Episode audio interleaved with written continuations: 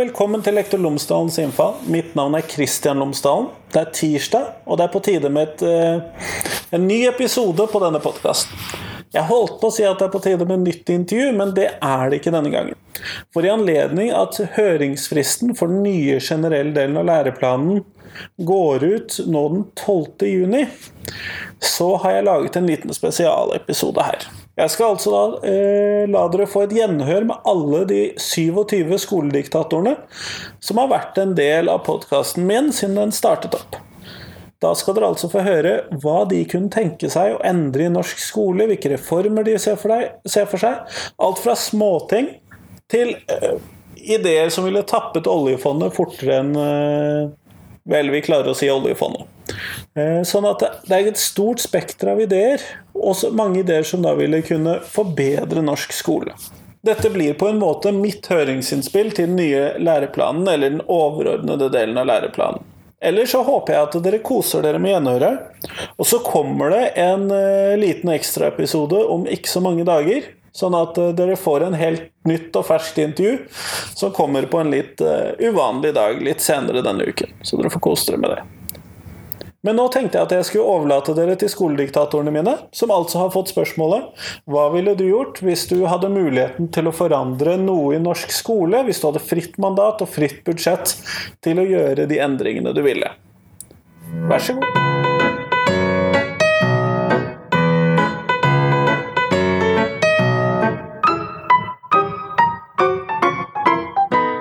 Frode Fredriksen, rektor og mobbeekspert i morgen. Så jeg tror nok at vi burde ha starta der det som vi har snakka om nå, seksualitetsundervisning. Fordi at det kan kobles opp i så mange fag. Jeg har jo snakka varmt om kroppsøvingsfaget nå. Så vi snakker om naturfag, vi snakker om samfunnsfag og RLE. Men vi kan også snakke om språk. Norsk, engelsk, også i andre språkene. For det her handler også om å utvikle et språk for å kunne kommunisere om seksualitet, om følelser, de mentale prosessene, om relasjoner. ikke sant? Eh, det har et helt vokabular, men det, det bruker vi ikke. Og det tenker jeg også er et sånn utgangspunkt for å havne i trøbbel senere i livet. Det er at du faktisk ikke kan kommunisere om dine ønsker og behov, eller at du kan passere dine grenser. Sånn at øh, Hvis vi også ser for oss at, at det her har et språk, et språklig univers også, så burde vi nettopp bruke norskfaget og de andre språkfagene også til å lære oss å kommunisere om, om seksualitet. Vår egen seksualitet. Både ønsker og behov. Eh, de mentale prosessene rundt men også det å kunne sette våre egne grenser. Og det å lære oss å, å respektere andre grenser. For det, det handler også om språk. Og mobbing handler jo også om å respektere andres grenser. Det er jo ikke bare seksuell trakassering som handler om det. Tenker altså at vi har så mye å vinne på på alle felt i forhold til det å utvikle egentlig et, et vokabular, et godt ordforråd. Eh, fordi at språket handler også om å øke bevissthet, om kognitive ferdigheter på, på akkurat det her, om alle de mentale prosessene som går veldig fort. ikke sant? Og så lenge at vi ikke klarer oss å uttrykke det, så er det også en slags Det bygger seg kanskje også opp en frustrasjon. Jeg har en følelse, men jeg vet ikke hvordan jeg skal beskrive det. Sånn at får vi et mer sånn finmaska, nyansert språk også på akkurat det problemfeltet, så tenker jeg altså at det er veldig mye god forebygging i akkurat det.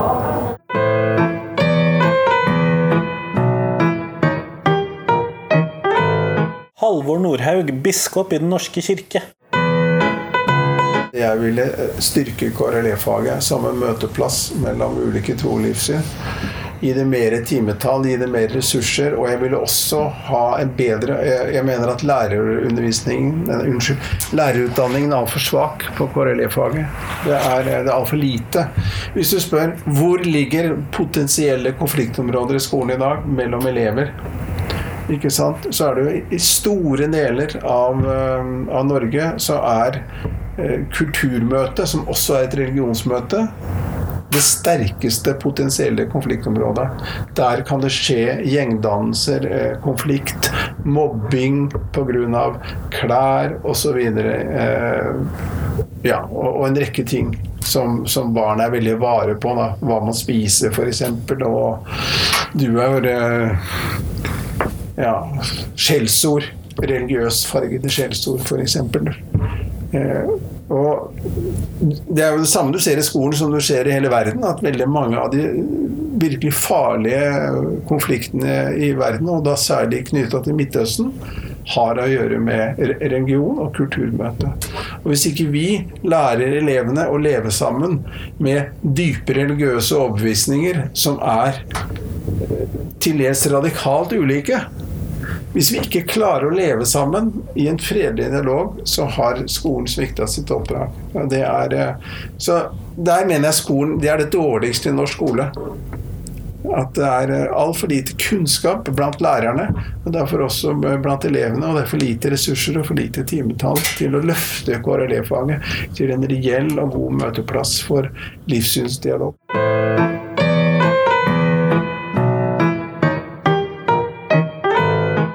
Roar Ulvestad, som er tillitsvalgt i Utdanningsforbundet og lærer ved Rotthaugen skole i Bergen. Om at nå, Hvis jeg, eh, gud forby, skulle ha eh, all, all makt og alle budsjett i eh, Skole-Norge, hva, hva ville jeg hva ville jeg da gjort og ikke gjort? Så jeg tenker jo, Det, er kanskje en levning fra min Steinerskole-fortid også, men jeg ønsker meg en, en skole der elevene kan gjøre masse forskjellige ting. At det, skal, det skal være litt julenissens verksted. Det skal være lyd, og det skal være støy, og det skal hamres, og det skal sages og bankes og synges og danses. Og, og det, vi skal ha en, en, et, et, en mosaikk av aktivitet. Sånn vi, vi, trenger ikke å sitte på rekke og i, i, klasserommet, sånn som vi ofte blir kalt eh, bussen. Å kjøre buss. Det er jo det tradisjonelle klasserommet. Men å, å ha, å ha mer sånn verksted frihetsaktivitet, rett og slett. Og det skjer mange ting. At den eh, Ja. Litt, at vi skal ha et styrka rom for det, for det, det mangfoldet som er i, eh, i elevmassen. At det, alle skal ikke det, det, at alle må gjøre det samme, det, det er på en måte en sånn eh, nyliberalistisk kommunisme, om jeg får lov til å koble sammen litt uh, begrep på en litt spekulativ måte. Det, det, er, det, det er, en, uh, det er en ensretting, uh, og jeg syns det er for lite rom for mangfoldet. Og det, er ikke alle som hvorfor, hvorfor presse alle til å, til å gjøre det samme? Vi, vi, må sette elevene i sentrum for det vi holder på med. Og Da må ikke vi sette et bilde vi har av elevene i sentrum, men vi, vi må sette de helt konkrete elevene i sentrum for, det, for, for, for opplæringen. Vi, må, vi, må, gå dem i møte, vi må kommunisere med dem, vi må være interessert i dem, vi må være glad i dem, og vi, må finne ut hva, hva er det, hvor er de henne. Hva, hva er det som opptar dem? Eh, hva er det som er vanskelig for dem? Hva er mulig for dem å få til? Uh, og, og, og, starte der. Fordi, fordi jeg vet, og du vet, at uh, hvis vi har en, en, dårlig relasjon til eleven, hvis vi, uh, hvis vi mislykkes med å, med å knytte et bånd til eleven, så vil heller ikke eleven ta oss på alvor som fagperson. Det er veldig begrensa hvor langt vi kan komme med, med, elever som ser på oss som noen pussige dyr som snakker et fremmedspråk. Så, så, så det, det, å etablere en connection der de, de faktisk uh, Der, vi, der vi, vi, har en gjensidig respekt og interesse for hverandre, så kan vi komme kjempelangt uh, uh, faglig. Vi kommer i hvert fall ingen vei faglig uten at vi, vi etablerer det, det båndet.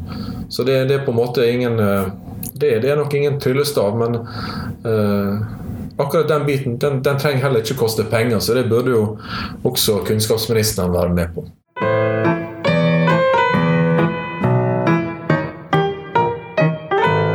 Torstein Kjosavik fra Sjømannskirken på Gran Canaria. Ja, altså det, det som jeg har har tenkt på, er jo, er jo kanskje altså, Jeg, jeg syns i den norske skolen så, så, er det jo en tendens til at, at eh, hjelpen settes inn for seint. Eh, at eh, jeg ville brukt mer ressurser på, på begynneropplæringen. For det er klart at, at de som når du blir hengende etter fra starten av, så, så, blir gapet bare større og større. Ja, For du underviser jo til vanlig videregående skole? Jeg underviser til vanlig videregående skole, ja. Eh, og, og utdanne barne- og ungdomsarbeidere, som, som jo blir assistenter i, i skolen. Og jeg, jeg syns jo vi ja, både både pedagogisk personale burde det kanskje vært mer av i, i på de minste, og, eh, og disse barne- og ungdomsarbeiderne som, som, kanskje går mer på, på det sosiale. Da. Eh, for det, det, er klart at, at, eh, at en, en må ja, av og til så, så, så, så virker det som, som det, det, blir for mange tapere i den norske skolen. Altså de som, de som ramler av, og, og, og gapet blir, blir, for stort. Så, jeg vil gjerne satt inn mer, mer ressurser inn på, på, de yngste klassene. Selv om jeg, selv, selv om jeg underviser på videregående skole, så, er det, er, det, nok det jeg ville Det er litt vanskelig for deg å reparere hvis de først har store store hull fra tidligere? Ja, det er klart at, at som, som mattelærer så, så uh, opplever jeg jo uh, gjerne det. Altså, jeg, jeg, prater jo masse med, masse med elevene mine, og, og, det er klart at, at det, det, er gjenganger på, når vi ser på, på yrkesfag. og det, det, er veldig mange som har, har ramla av i matematikken, da, i, gjerne i, i femte klasse. Altså De hang med kanskje, følte de hang med til femte klasse, og så og så ramler de av. Eh, men da, er det nok allerede noen hull som de ikke, eh, ikke var klar over at de hadde. Eh, fra, fra, den gang. Så, så, det er klart at, at, da er det jo et veldig stort sprik når de har ramla av i, i 5. klasse og de kommer til videregående. Så, så skal du prøve å, prøve å lappe, lappe en del av, av det.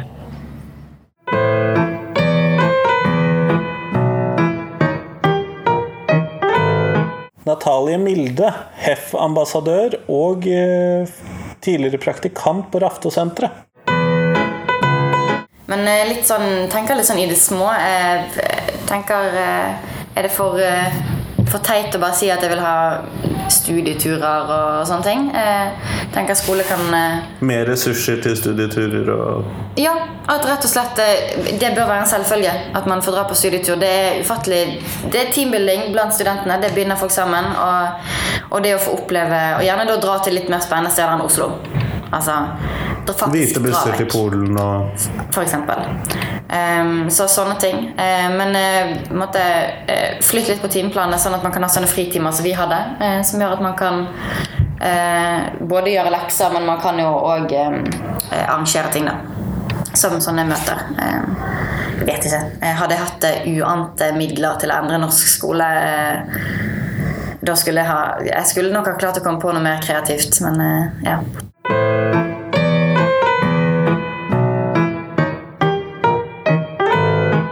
Agathe Våge, leder av Elevorganisasjonen i Hordaland.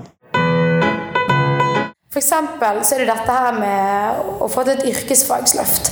Det er jo utrolig viktig, og det har vel kanskje understreket et par ganger i løpet av podkasten. Men det må jo være det er sant at man får utstyrsstipend som faktisk dekker utstyret, og en læreplassgaranti. Um, men så også vil det være viktig å på en måte beholde, beholde nærskoler, slik at elever er ikke nødt til å liksom reise eh, to til fire timer eh, eh, i reisevei til skolen, men at man faktisk kan gå på en skole i nærheten. Ikke at man skal innføre på en måte nærskoleprinsippet, men bare at man ikke ruinerer distriktsskolene, for å si det sånn. Skolehelsetjenesten er selvfølgelig viktig å fortsette å styrke. Nå går det kanskje i bedringens vei. Og selvfølgelig å styrke seksualundervisning. Når man er ungdom, så møter man jo mange utfordringer og problemer knyttet til identitet, seksualitet, hvem er vi, hvordan samhandler vi med andre. Sånt det er mye man lurer på. Og så er jo seksualundervisningen ganske krise i den norske skolen. Det har den vært veldig lenge. sånn for alltid. Eh, men at man da snakker om ting som også sånn grensesetting, og hvordan man respekterer hverandre. Eh, og at man liksom lærer eh, seksualundervisning på en god måte, og ikke ved å se på pornofilmer, som eh, noen eh, gjør. Ikke at pornofilmer er galt, men det er kanskje ikke der man skal eh, hente all sin lærdom, da, for å si det sånn.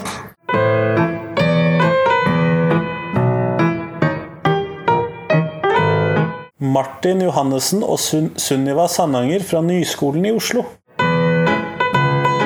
Jeg tror vi har starta med å eh, på en grundig og ordentlig måte sørge for at lærerne får ikke bare teoretisk etterutdanning, men et slags ordentlig system for kollegaveiledning og opplæring i hvordan man faktisk gjør alle de rare tingene som vi hele tida sier de skal. Jeg tror vi var så vidt inn på det i stad med, med relasjonsbygging, hvor, hvor viktig det er. Ja, men hvordan gjør du det, da? Ehm, det er viktig å ivareta de som har de og de preferansene. Ja. Et skikkelig system for at skoler og lærere og elever skal kunne kjenne til metode, mangfold og relasjonsbygging. Fordi at Hvis vi får til det, så er det så mye av det andre som kan la seg gjøre. Fordi det blir mindre frustrasjoner, og da kan man åpne opp for liksom en sånn totaldemokratisering. Jeg tror ikke vi er der på en måte at um, det er så mye frustrasjon både blant foreldre og barn og lærere at jeg tror at det aller første jeg ville gjort, var å sette i gang et sånn kjempeprosjekt for å skape en litt lykkeligere skole. Og så tror jeg på en slags sånn superdemokratiseringsprosess. Hva tenker du, Martin? Jeg tenker jo også i de baner. Ehm, Men vi hadde så mye penger vi kunne, var det det? Ja, ja, det var Et premiss her var penger er ingen begrensning.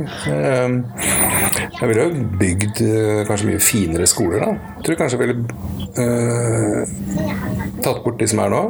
Kanskje hele bygd dem. I hvert fall hatt et kjøkken på alle sammen, så de kan ha anstendighet nok til å servere Mat til barna? varm eh, mat. eh, Gjerne to ganger. eh, Gjerne også på, på SFO. Liksom, som eh, på det. Og så vil jeg at uh, det ville vært skikkelig hyggelig å komme inn i, den, eh, i det som er skolebygget. Da. Og at det også kunne vært at det var flere verksteder der eh, overalt. Altså i alle kommuner, sånn at alle hadde den derre Apropos demokratisk eh, tenkemåte, at du har lik tilgang til alle disse verkstedene. Da. Eller bibliotekene, eller eh, undervisningen. Alt det som er med på en måte å bygge det opp da, som, som menneske. For det, vi, nå har, det er fritt skolevalg og sånt. Det er ikke det en liten by, vet du. Der har de videregående. Og den har kanskje de tre linjene. Og studiespesialisering er en av de. Og så er det kanskje media og kommunikasjon. Så er det en annen ting, kanskje. Hvis de har så mange som tre. Så det måtte jo vært i, overalt. Det kan ikke bare være i de store byene. Det måtte vært i en liten kommune og tatt en stor eh, skole med mange muligheter. Og egentlig så drømmer jeg om sånn, når det kommer til videregående, så drømmer jeg om at eh, alle videregående skoler i hele landet skal ha alle de linjene som de til sammen har. Og skal kunne tilby det. F.eks. smedlinje. Det er det to stykker av. De er på Vestlandet. En i Stavanger og en i tror det er Sandnes, men det er i hvert fall eh, den eh, kanten av landet. Og jeg syns at det, vi her i Oslo, Bergen og Snåsa også skulle hatt den muligheten. Altså, er det en som har lyst til å gå på smedlinje på Snåsa, så ansetter de en smed der. Som da flytter opp til Snåsa og lærer denne eleven smiing. Og så flytter du et annet sted etterpå. Istedenfor landslinjer. Ja. Ja. Nei, men tu... Og, kan jeg si en Ja, ting til? kan. Når man sitter sånn og drømmer, så er det så fort gjort å fable, da. Men jeg er i demokratiets og Hva skal jeg kalle det? Realismens ånd. Jeg tenker Det jeg faktisk syns er kanskje aller viktigst, hvis, hvis vi skulle få sånne frie tøyler da, og kunne få gjort alt, alle de utrolig kule tingene så måtte vi vært en gjeng som på en måte helt på ordentlig reiste rundt, eller hva skal jeg si, fikk snakka med folk. Sånn at lærerne og foreldrene og ungene, ungdommene i den norske skolen var med på å bygge opp. Og at elevene ble spurt, og lærerne ble spurt, og foreldrene ble spurt hva de trodde. Og så er det ikke sånn at det man da får som svar, er fasiten. Men at det er med i den store pakka, sånn at dette kommer innenfra, sånn at man kjenner at man har ansvar og har vært med på å bygge opp. Fordi det er så utrolig mange kjempefine ting som eh, folk egentlig ikke vil ha. Fordi det, for den opplevelsen at det kommer ovenfra. Man skjønner ikke hvorfor. Så det syns jeg bare er viktig å ha med.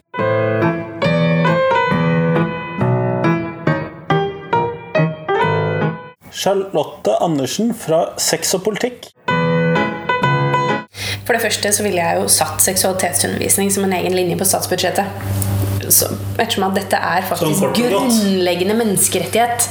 Um, og, og jeg tror at hvis man har midler til det, så vil man kunne gjøre ganske uh, mye mer enn det uh, det man gjør nå. Uh, og så ville jeg jo da selvfølgelig fått det inn i læreplanen for studiene. Og da ville jeg hatt seksualitetsundervisning, eh, ikke bare på lærerstudiet, men jeg ville også hatt det på sykepleierstudiet. Pga. at eh, de som blir, eh, tar sykepleierstudiet, ender jo Helsesøstrene. Ja, akkurat. Det er jo på en måte grunnsteinen for flere av andre videreutdanninger etter hvert. Ehm, og så ville jeg hatt en kraftig kompetanseheving i skolen, eh, som ikke bare går på det med å få fakta om seksualitet eh, for å kunne drive seksualitetsundervisning, men også det med å, å trygge lærerne, sånn at de skal være trygge og gode forbilder som eh, ikke syns det er kleint å snakke om seksualitet. Eh, ja. Og så tenker jeg det at man må kjøre en liten sånn holdningskampanje, da. Eh, snu om tabu. For å fjerne en del av disse Der kom den tabuene. ja. ja. den kommer tilbake støtt og stadig. Eh, jeg skulle gjerne ønske at eh, Snu var her i dag for å kunne reklamere litt for seg selv på akkurat det. De trenger flere engasjerte ungdommer. Eh, men i hvert fall det å kjøre en eh, holdningskampanje mot en del tabuer, sånn at vi må få lov til å bruke en del ord. Eh, og eh, folk må få lov til å være seg selv og ta egne valg over egen seksuell og reproduktiv helse.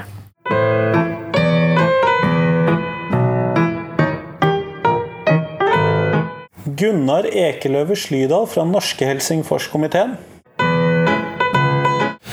Ja, jeg er jo ikke noen ekspert på norsk skole, men jeg har jo gått der selv, og jeg har eh, en sønn som er i eh, utdanningsløpet. Eh, og egentlig så har jeg jo veldig mye gode inntrykk fra norsk skole. Det er veldig mye som er bra der. Men hvis jeg tenker på faretruende utviklingstrekk både internasjonalt og i Norge, så er det det kanskje at vi tar det med demokrati og folkestyre litt for lett og litt for gitt. Så eh, min appell til skolen er at eh, det er viktig å ivareta det som er noe av styrken til, til skolen vår, det er med å inkludere og ha en, eh, på en måte litt demokrati i praksis. Eh, det er selvfølgelig bra å bli faglig veldig spissa og få gode PISA-resultater. Det er jeg ikke imot. Men vi må ikke glemme noe av det som har vært suksessen i norsk skole. At vi har endt opp med elever som er vant til å delta. En av truslene mot det er selvfølgelig mobbing i skolen. Og Det er mye fokus på det, og bør være mye fokus på det. Eh, og det er helt sikkert ting eh, skolen kan bli bedre på der. Um, til syvende og sist så er det ikke alt bare det som blir sagt i skolen som er viktig, men også det man gjør, og det man praktiserer i hverdagen i klasserommet, eh, som er viktig. Vi pleier å si at demokrati er mye mer enn bare å delta i valg. Det handler om en holdning og en kultur, og det å være tålmodig nok til å høre på andre. Og det er det vi kan lære i skolen, blant annet.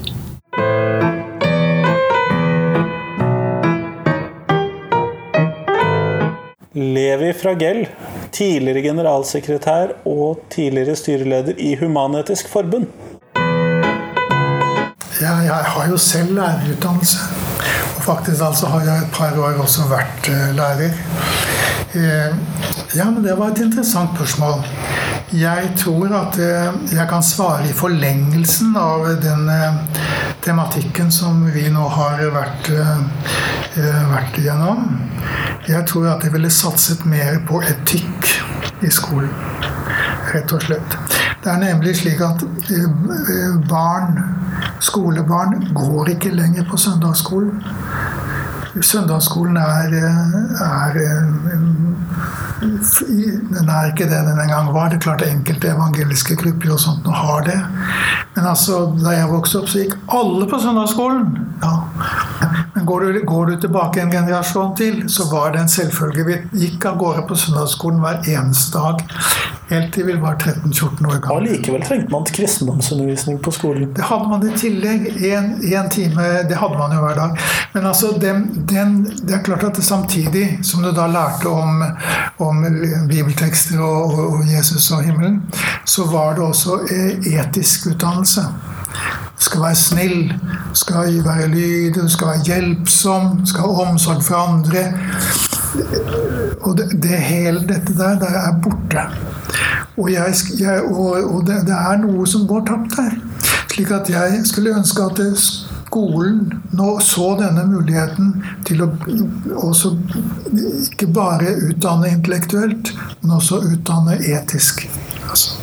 Så, så, at man kunne da det som nå heter KRLE-faget, at det ville kanskje behøvde kanskje droppe et par av eh, initialene og legge mer vekt på den én. Ja. Livssyn og etikk? Livssyn og etikk.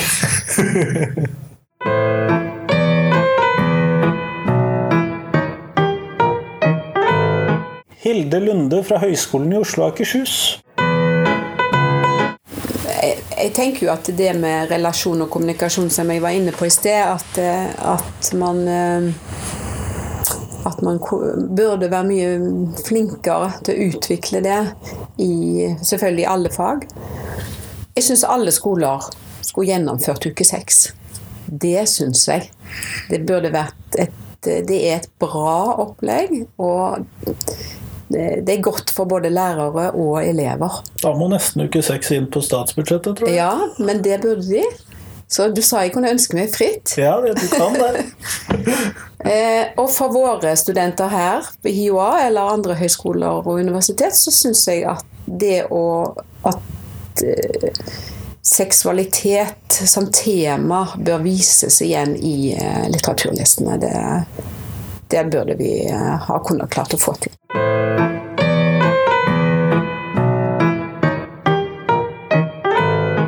Mari Kristine Morberg, mobbeombudet i Hordaland. Da vil jeg, jeg tror det handler om, eh, om tid, altså.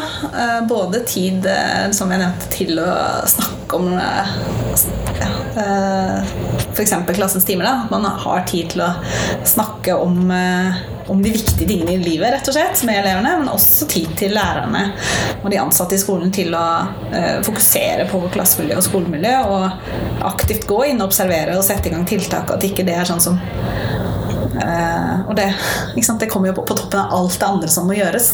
Virkelig, I tillegg til alt det faglige, liksom? Ja. At uh, dette er et prioritert område på lik linje. Fordi uh, det er jo det det er det man husker. Ja. Når du går ut av videregående, du husker jo ikke den fantastiske norsktimen nødvendigvis, men du husker jo om du hadde noen å sitte sammen med. Eh, og det er kanskje det som preger deg i enda større grad. Og det hjelper kanskje ikke så mye om du er faglig sterk eller osv. hvis ikke du har et godt liv også. Nei, altså det, For å lære så må du jo ha det bra. Eh, så jeg tenker det er helt essensielt. Så tid til Tid til å ta vare, vise omsorg, ta vare på vise omsorg. Og, eh, altså det er ikke det jeg ikke tror dere gjør det, men, men at det virkelig at man har Faktisk har timeplansatte. Faktisk har tid, ikke sant? At ja. det ikke er sånn at man Oi, jeg ser at du ikke har det bra, men jeg har ikke tid til å spørre deg om det. Uh, for den tror jeg det er Vi må gjennomføre undervisningen her nå, for ellers så får vi ikke gjort noe. Ja. ja. Og jeg tror det er mange Jeg snakka med flere lærere som har en sånn magefølelse, en litt sånn uggen følelse når de legger seg om kvelden at dagværende samtaler jeg burde ha tatt, som jeg ikke hadde tid til. Ja, det bør man jo helst eh, både som lærer slippe å ha, men at eh, hvis det da faktisk er et problem hos eleven, så mm. da har vi kanskje ikke helt gjort jobben vår. Nei, og den håper jeg at man har tid det, det er det jeg vil. At man har tid til å gjøre dette, rett og slett.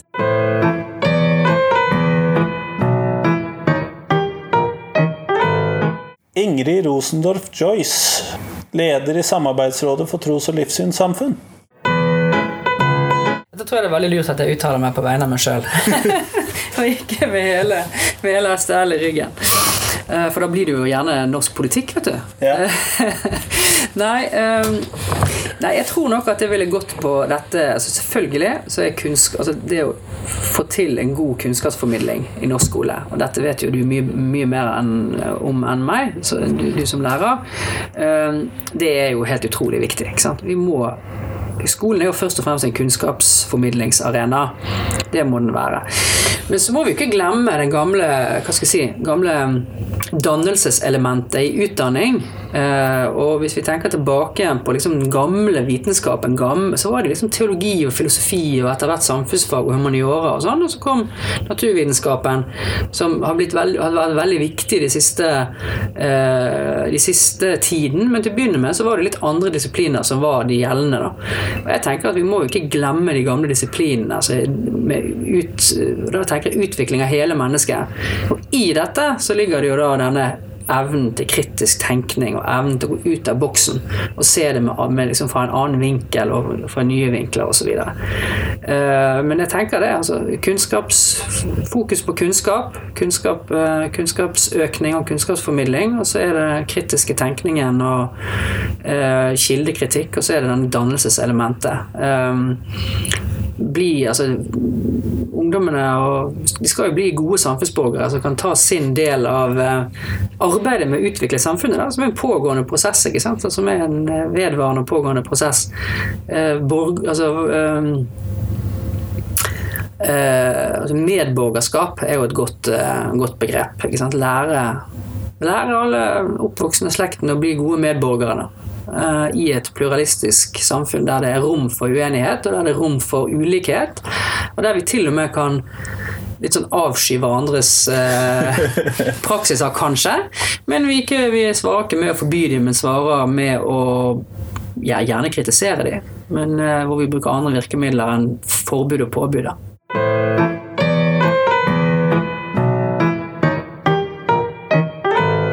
Sylvia Lind, leder av Elevorganisasjonen i Norge. Okay. Altså, dette er ikke prioritert rekkefølge, bare sånn det er sagt. Men eh, jeg ville eh, ha øka lønna til lærerne noe grassat mye. Vær så god, Steffen. Øk lønna deres. Den skal opp. Um, og For da blir det mer attraktivt å være lærer, og på den måten da sørge for at vi får høy lærertetthet, i tillegg til å da eh, måtte ta et statlig grep. Så man må, Dette teamet rundt eleven, som jeg har sikla så mye etter eh, si, den siste tida, eh, det, må, det skulle ha blitt realisert med meg da, som skolediktator. Eh, skulle ha vært eh, masse lærere i skolen, masse helsesøstre, og det skulle ha vært masse rådgivere, og alle skulle ha hatt eh, både etter- og videreutdanning og fordypning og alt de ville ha, og masse lønn. Um, og så på en måte den andre tingen, da, fordi folk koster penger. Det andre som koster penger, det er på en måte eh, infrastruktur og ressurser. Eh, så jeg ville nok ha heldigitalisert eh, skolene eh, så, etter beste evne. da. Eh, og gitt frihet, sånn at måte, skolen kunne velge eh, sjøl hvordan de ville digitalisere seg, hvilket tempo, men jeg ville sørge for at, at de hadde råd til det, i hvert fall. og det tredje, da, det er stipend.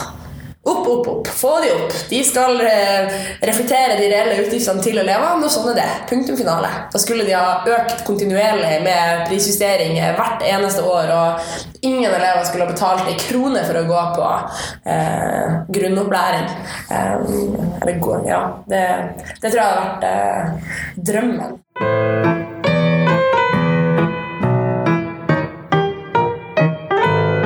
Marie von der Lippe, religionsdidaktiker og lærerutdanner fra Universitetet i Bergen. Så egentlig så tror jeg ikke jeg hadde trengt så mye penger. Det er poenget mitt. Jeg hadde egentlig trengt en helt ny idé om skolen. Og, og det er rett og slett at jeg tror vi er i ferd med å ta kverken på elevene gjennom målstyring. Så hele den der, disse pengene da, og kapitalismen og New Public Management og sånn, det er rett og slett i ferd med å, å gjøre at elevene eh, mister læringslyst og læringsmotivasjon. Og det er litt forstemmende, for jeg tenker at skolen skal jo handle om å lære å lære. Sånn at du får lyst til å lære mer, sånn at du får lyst til å på en måte Lære gjennom hele livet? Lære gjennom hele livet. Men vi har jo tatt livet av de nå før de eh, kommer ut grunnskolen. Og det som har skjedd da, gjennom denne målstyringen som vi har holdt på med nå i ti år, er jo det at nå er jo ikke elevene er jo ikke lenger så veldig opptatt av hva skal vi lære, men de er opptatt av hvordan skal vi vurderes.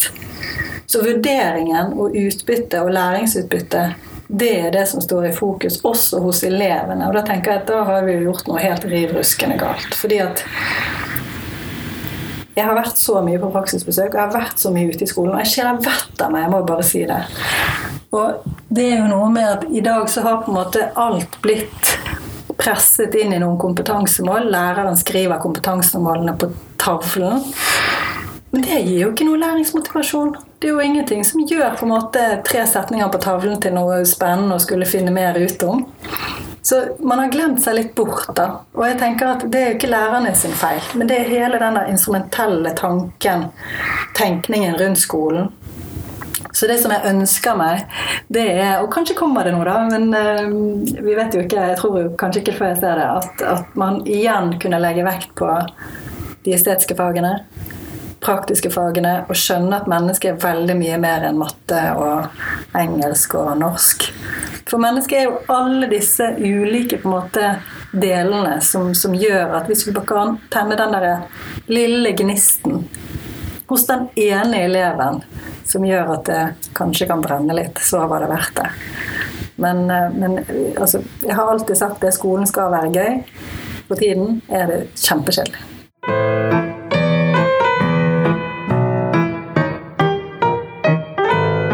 Henrik Asheim fra partiet Høyre på Stortinget.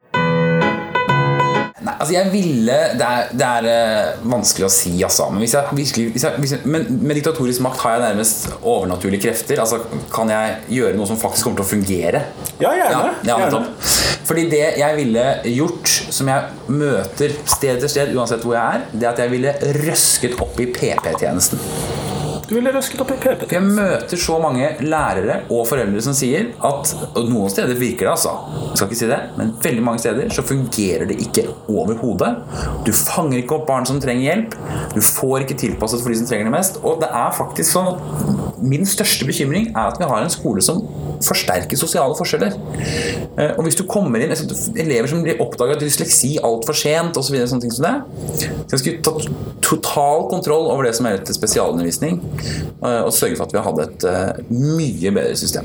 En av de første som jeg intervjuet på denne podkasten, Frode Fredriksen, mente at en del av problemet lå at det var for strenge taushetspliktsbarrierer mellom Eh, de forskjellige enhetene som da hadde ansvaret for barnet. Mm. At kanskje noe av problemet lå der. At man ikke ja. fikk beskjed fra PPT til skole til barnehjem, barnevern til eh, osv. Det kan veldig godt hende, altså. Og det er det samme med altså, Og dette er det foreldre som sier ofte, da, så man må jo ha det filteret med. Ja. Det kan godt at skolefolk mener noe litt annet, men mange skoler er jo ikke tjent med at man avdekker eh, at det er noe galt med eleven, med mindre du får et sånt vedtak fordi at da For da utløser det penger. Ja. Og, det sånn, og, det betyr på den ene siden at en del elever får et vedtak som de egentlig ikke burde hatt. Det er ikke noe galt med det, det er bare at vi bare trenger å tilpasse litt her.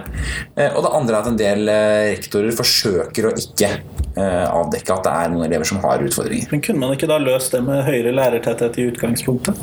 Men det er det som er, Det er det som er altså Det kan godt hende, det kan godt hende det. Men hvis jeg hadde laget den ressursnormen så hadde du ikke løst det. Fordi da, da blir rektors jobb nummer én å sørge for at det tallet går opp. Så da kan det hende at du til og med har elever som har utfordringer som kommunen må ta lærerne ut av den skolen for å putte det på den store ungdomsskolen de har. Fordi da, ellers så går ikke tallet opp, og da får de bøter fra staten. Så det er ikke sant, ja. Insentiver virker. Ja, det er vanskelig. Og skole skal være vanskelig å styre. For hvis skole var lett å styre, så hadde du hatt en skole som lå på ryggen og ikke slo tilbake. Men eh, ja, det er krevende.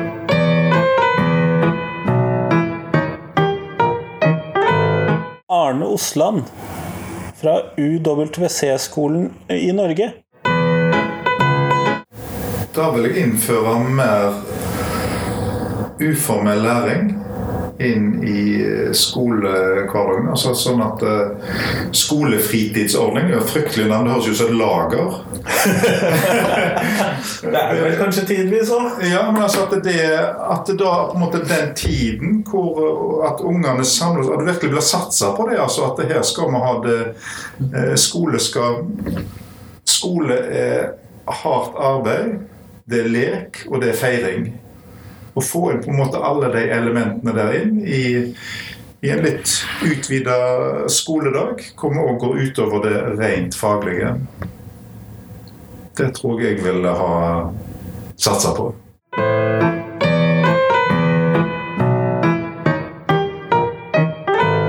Maria Røssok, daglig leder på Sex og Samfunn i Oslo. Siden vi jobber innenfor det fagfeltet vi gjør, da, så faller det naturlig å snakke om det. Helt sånn på overordnet tror jeg, tror jeg ikke jeg skal uttale meg om.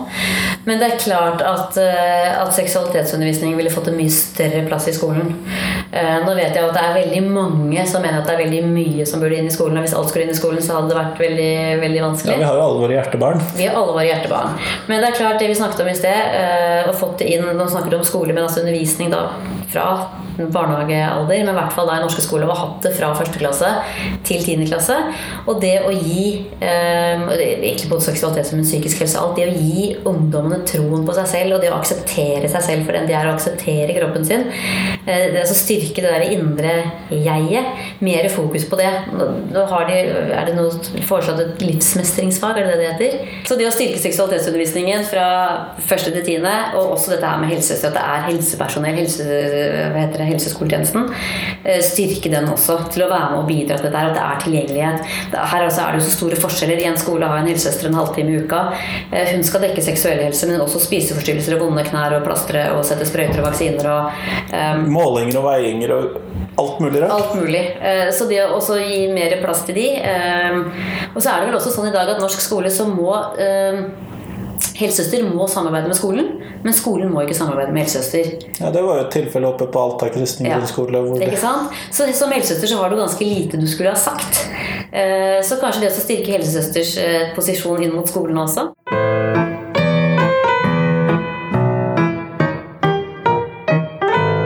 Kjell Ove Hauge, rektor på Kuben videregående skole. Ja, si det. Jeg har jo flere ting jeg kunne tenkt meg, men jeg tror hvis jeg skulle fått valgt noe nå, så må jeg ha sett litt på lærerutdanninga. Jeg mener at lærerutdanninga burde hatt et turnusår. Jeg mener at læreryrket er et praktisk yrke, og ikke et teoretisk yrke. Eh, Og når vi ser på andre yrker som har turnusår, så er det ikke noe mindre teoretisk enn læreryrket. Eh, Det er altfor mange som kommer til oss nyutdanna som går på en skikkelig smell. Eh, veldig tøft første året. Du jobber garantert overtid. Og spesielt skolestarten hadde jeg aldri fått vært med på. For når du har praksisperioden din, så kommer du midt i året når ting er på stell. Så vi har ikke fått vært med på den superhektiske tingen det å være med på tre til fem planleggingsdager og så stupe inn i skoleåret. Såkalte praksissjokket? Det er det. Eh, Og det har vært veldig bra om det hadde vært en del av eh, lærerutdanninga. Også for PED. Jeg ville avvikla PPU. og heller hatt et uh, turnusår. Så kunne læreinstitusjonene i større grad fulgt opp spesialistene ute på skolen. Da ville vi ha fått en ny karrierevei som vi har snakka om for pedagoger. For da har vi hatt bruk for mange flere veiledere i skoleverket. Og da har vi fått en karrierevei nemlig å bli pedagogisk veileder. Den kunne blitt lagt opp noen lunsjtrinn og hatt litt status, og blitt fulgt opp av lærerinstitusjonene. Og så ville vi fått inn lærerstudenter og PPU-studenter som jeg ville ha lagt. Og så kunne vi heller hatt noen korte samlinger ute på skolen, men vi også vært mye mer på skolen. 70-80 i praksis, og så en 20-30% på, på en skole. Har vært mye smartere, mener jeg. For å få en mer solid lærerutdanning. Så Det er kanskje noe av det jeg ville tatt tak i fort uh, hvis jeg hadde fått en hånd inne på, på rattet hos Isaksen.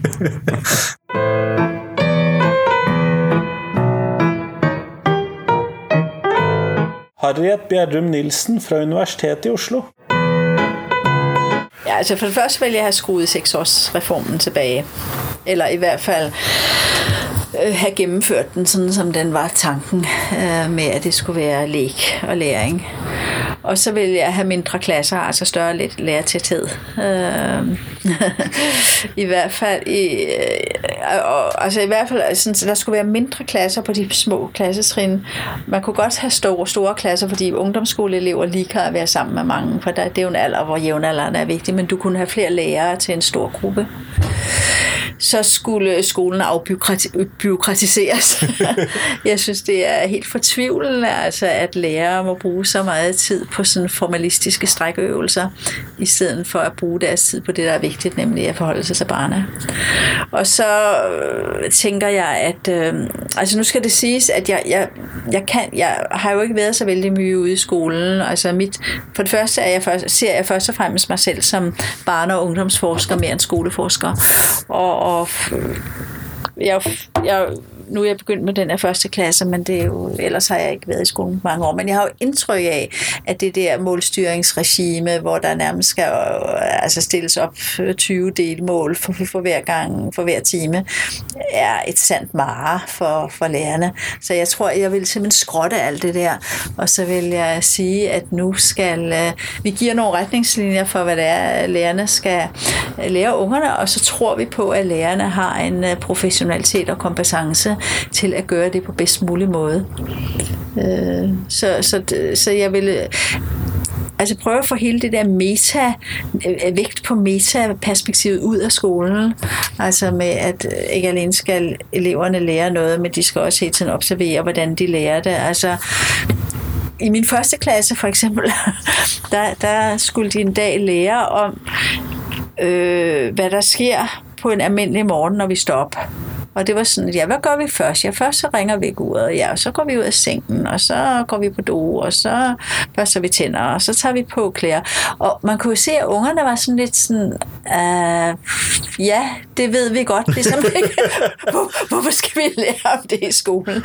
Så med mindre det var sådan et udtryk for sådan en eller anden kulturel normering, at nu måtte man sørge for, at de der indvandrerbørn også børstede tænder om morgenen, så skønner jeg ret og slet ikke, hvad, hvad er det, man tænker? Altså, hvorfor fortæller man ikke børn om nogle spændende ting. Hvorfor fortæller man dem ikke om øh, stjernerne, eller øh, dyrenes levevis, eller hvad der skete i historien, eller øh, hvad der sker i deres samfund, i stedet for at have de der sådan, fortænkte mål, øh, som stilles op. Så jeg vil virkelig gå kritisk igennem hele den der øh, galskab med målstyring.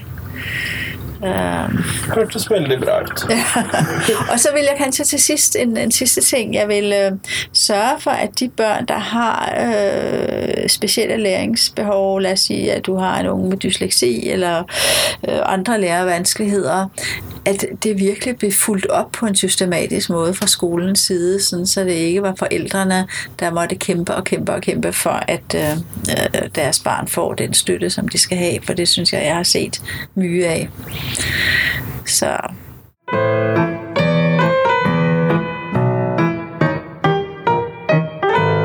Vibeke Solbø fra Høgskolen på Vestlandet. Det ville jo eh, ikke vært så veldig dyrt, eh, den reformen jeg ville ha satt i gang. Og det er jo ikke veldig overraskende at jeg da ville ha fått bort målstyringsskolen. Eh, jeg ville ha fått inn mye mer lek i, fra første klasse. Eh, jeg ville ha jobbet med varierte læringsmetoder.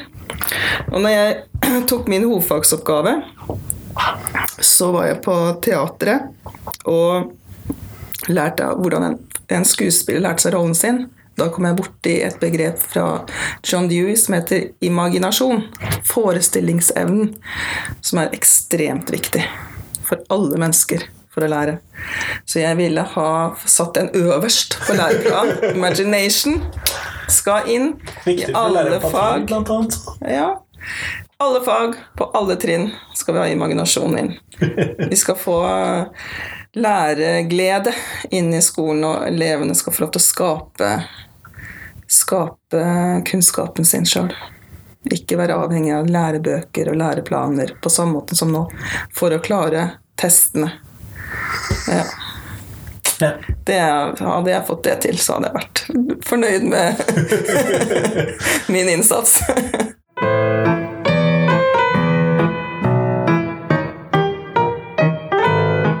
Jane Skjolli fra Universitetet i Bergen.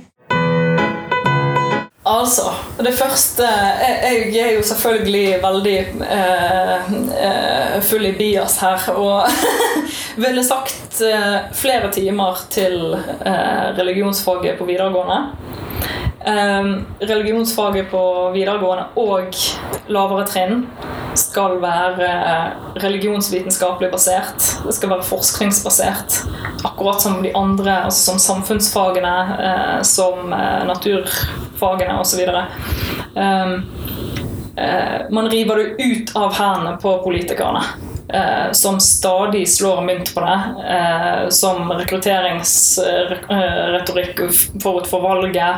Eh, og, eh, og som hele tiden altså Det slås hele tiden politisk mynt på det, og jeg mener at det er eh, Det er misbruk av et fag som burde være forskningsbasert, eh, og som dermed også ville kunne berike og, og tjene elevene og det norske samfunnet i langt større grad. Det er det første jeg ville gjort. Eh, og så, ja, eh, så tror ikke jeg jeg skal si så veldig mye mer enn det uten å bli uh, Uten å bli veldig sånn. Ja. Uten å bli sånn uh, Veldig sånn eh, elevrådsaktig med gratis yoghurt til alle og sånne. Men det er det jeg forbinder med elevrådet. Nei da.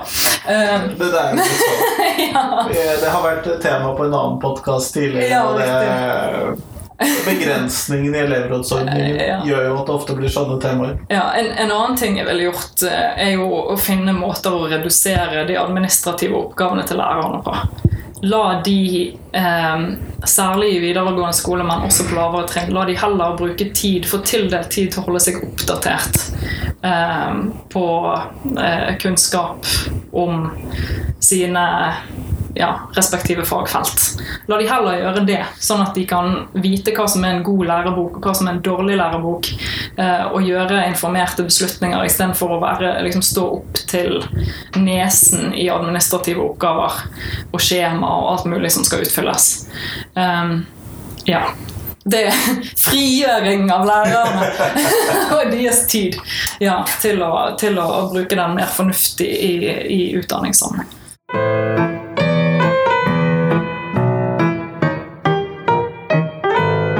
Baste Bruarøy fra Hyssingen produksjonsskole. Nei, jeg har lyst til å bruke Finland som et eksempel. Jeg. Hva de får til der borte. Eh, og det de har gjort i Finland, de har jo eh, klart å lage læreryrket til et statusyrke.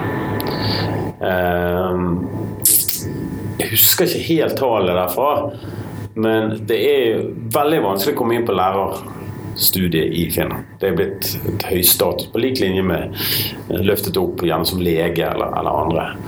Eh, så jeg ville begynt der. Jeg ville begynt med lærerne. Det er utrolig mange flinke lærere i den norske skole. Det er mange som, eh, som gjør altså, Det er ikke det jeg sier, men jeg tror vi kunne løftet det enda mer ved å, ved å ved å skapt, altså, laget et, et, et, mer status for selve læreryrket. Selvfølgelig gjennom lønn. Det er mye det det går i. sant? Ja. Men også andre, altså tettere, tettere og, og gjerne mer ressurser inn mot lærerutdanningen. Så jeg ville begynt der. Jeg tror det, det, det, det ville gjort, gjort store utslag. Eh, Læreren er en utrolig viktig person i en ungdom sitt liv. Sant? Vi husker alle de gode lærerne vi hadde, vi husker også de dårlige lærerne vi hadde opp igjennom. Sant? De midt imellom er litt verre å huske. Ja, det, det er sant. Ja. Ehm, så er jo det òg en del eh, For for å bruke Finland igjen som et eksempel. Da, det er jo dette at der begynner de nå å gå vekk fra fag. De, eh, det er noen prøveprosjekter der borte hvor, de, hvor du velger deg mer et område, et studieområde, da. Eh, og de baker inn da eh, la oss si matte og naturfag og samfunnsfag inn i dette her. Så og, og, og se på noe, så, se de resultatene der og prøve på en måte å legge om strukturen. At ikke Nå har du matte, naturfag, tysk, eh, engelsk, norsk den dagen der. Men å på en måte lage eh, eh, en struktur som, som Særlig da gjerne på yrkesfag. Sant? Eh, Det som er problemet med, med, med Norge nå, særlig med yrkesfag, det er jo den teoritunge eh, delen. At de kommer seg ikke gjennom VG1 på matten og naturfagen og det de må ta. Eh, men hvis du kunne lært matten gjennom det praktiske, sånn som faktisk vi holder på med her, så tror jeg mange flere ville lykkes. Du trenger altså, jeg, altså, Gitt meg et brøkstykke nå, jeg har ikke hatt sjans. Du trenger jo det ikke. Sant? Men hvis du kan lære matte eller en del eh, andre fag gjennom det faktisk eh, det, det- Gjennom det praktiske Når du ser at du har behov for det. Riktig. ja. Og gjøre det mer interessant. Og da tror jeg mange ville eh, lært på, på en mye bedre måte. Og faktisk For det det kan jo bli en god snekker, selv om ikke du klarer nødvendigvis å stå på, på, på, på matten eh, sånn som det er lagt opp her i Norge. Altså. Det, så, så, så vi må se litt på det. Eh, jeg tror jo det, for å si det på yrkesfag, jeg tror det med dagens skolesystem eh, Hvis du har, 40, du har 40 frafall på, på, på yrkesfag, så tror jeg at halvparten av de, altså 20% av de som dropper ut, ikke har en sjanse til å gjennomføre med dagens system. Jeg tror vi ekskluderer halvparten, eller det virker ca. 20 av de som begynner på yrkesfag, pga. den teoritunge eh, yrkesfagopplæringen vi har i Norge. Så det ville jeg sett på. Jeg ville, jeg gjort en god del endringer med hensyn til eh, fellesfagene. Og hvordan, eh, hvordan det er lagt opp. Eh, og heller bake det inn eh, i, det praktiske og få ungdom til å lære på den måten. For det, det, det gjør vi her, og da, da skjønner vi. Det ser vi at det fungerer.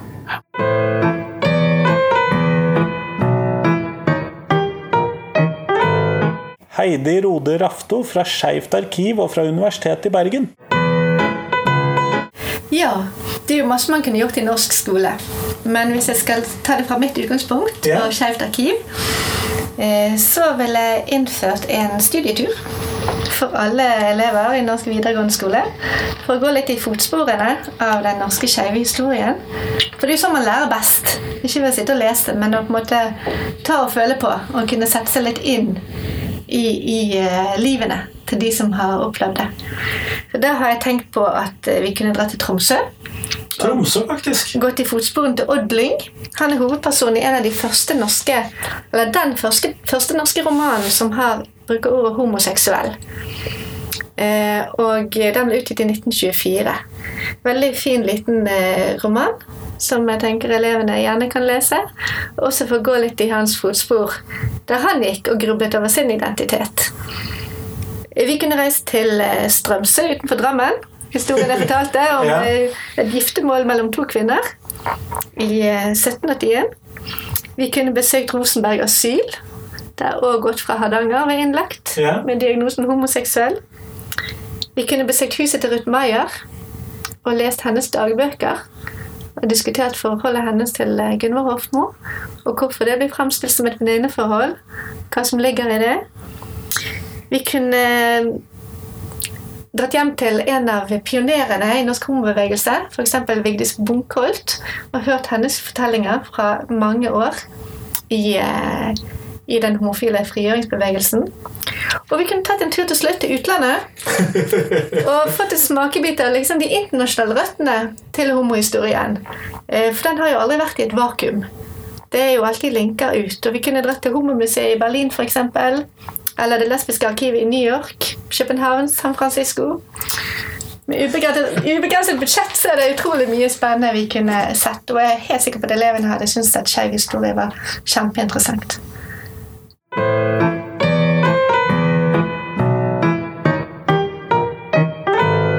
Mette Bø Lyngstad fra Høgskolen på Vestlandet. Ja, Da er det vel ingen eh, overraskelse at jeg ville starte med å innføre drama som et eget fag i eh, grunnskolen. Som et nytt praktisk-estetisk fag? da? Ja, som, som et fag som alle skal innom. Og nå samla fagmiljøet seg eh, og lagde en egen fagplan her i høst. Så vi har fagplanen liggende og, og klar, så når vi skal gå inn og utforske dramafaget, teaterfaget, hvordan kan vi gå inn og jobbe med formidling, med fortelling, og, og bruke også drama som utforskning inn i ulike eh, temadilemmaer. Altså anvendt drama. Det er jo da en eh, plan som jeg gjerne skal putte inn i shownotene til eh, denne podkasten. For jeg regner jo med at den er offentlig tilgjengelig. Absolutt, det må du veldig gjerne gjøre. Og da vet jeg jo at hadde jeg satt det på, på timeplanen i grunnskolen, så hadde akkurat det samme skjedd i eh, høyskolen. Da måtte det inn som et fag i høyskolen òg. Og da får du en annen status. Men vi er, som vi sier, er mye på spill, men Drammenpedagogen får det til. Vi gir oss ikke så lett. Vi holder oss fast. Og en dag så vil jeg se at mer drama må til.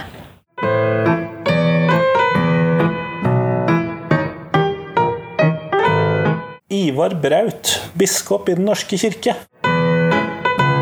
Hadde plussa på antall lærerkrefter med 25% det, Den kom fort og kontant. Ja, og det er rett og slett Nå skal jeg være litt ukorrekt. Av hensyn til de flinke elevene, sånn at de virkelig får brukt seg.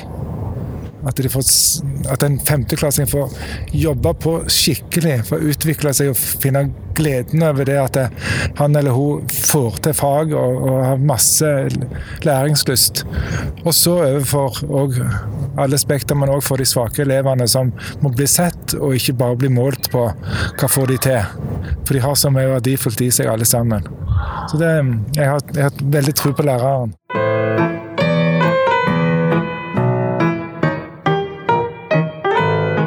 Leiv Marsteintrede fra Universitetet i Oslo og Universitetet i Bergen. Siden vi har pratet om Latin-Amerika, så måtte det selvfølgelig fått et eget fag. Eh, knyttet opp til både spansk og portugisisk. Eh, så jeg tenker at det, det har vært mye konflikt om et fag som heter KRLE eh, nå den siste tiden. Christian. Eh, det tenkte jeg at det kunne vi ha droppa. Eh, dette med, med etikk og religion og alt dette, det kan man lære på fritiden. Og så putter vi inn spansk, portugisisk og Latin-Amerika der.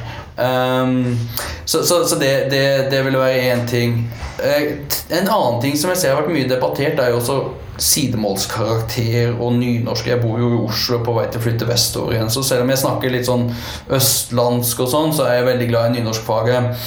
Så, så, jeg tenker det at jeg ville ha styrket nynorsken, særlig på Østlandet. Um, og, og, sagt ja til å fjerne sidemålskarakteren så lenge sidemålet uh, var bokmål. Um, at Det trenger vi ikke. Det kan vi lese i aviser, og alt sånt, så det, det trenger vi egentlig ikke så mye undervisning i. Uh, og så har jeg en siste ting da som jeg følte man kunne ha satset litt mer på. eh, Basert delvis på mine egne erfaringer uh, med valgfag på ungdomsskolen under en, eh, en veldig kjekk uh, lærer som het Bjørn Mæland, og det er bridge. Bridgeundervisningen Jeg har ikke fulgt så mye med, men jeg føler at den har blitt ignorert eh, i det norske skoleverket. Eh, så den syns jeg også kunne vært styrket. Eh, kanskje ved å Jeg vet ikke hva slags fag vi kunne ta vekk. Men engelsk får man det mye nå gjennom internett og Netflix og TV og sånn, så vi kunne redusert den noe. Og hatt bridgeundervisning. Det er jo interessant å høre noen som endelig også sier hva de vil ha bort når de skal putte noe inn. Ja, ja nei, vi, vi må altså, Siden jeg underviser i statsvitenskap og, og sammenligner politikk, så, så, er jo nettopp det et poeng. Det at når vi skal liksom prate om sånne ting, så, så, så, må vi også tenke på hva er det man skal prioritere vekk. ikke sant? Så jeg må prøve å, prøve å holde meg til det jeg sjøl forfekter i, i, klasserommene her. Og en siste ting jeg vil selvfølgelig styrke svømmeundervisningen. Det, det har også, tror jeg, blitt ignorert. Og, og, gym kan vi også ta fjerne noen timer for, så vi får mer svømming. Fordi barna og ungdommen kan leke på fritida, tenker jeg altså. Så det tror jeg ville gjort. Og så selvfølgelig, siden jeg sitter med en lærer, øke lærerlønningene.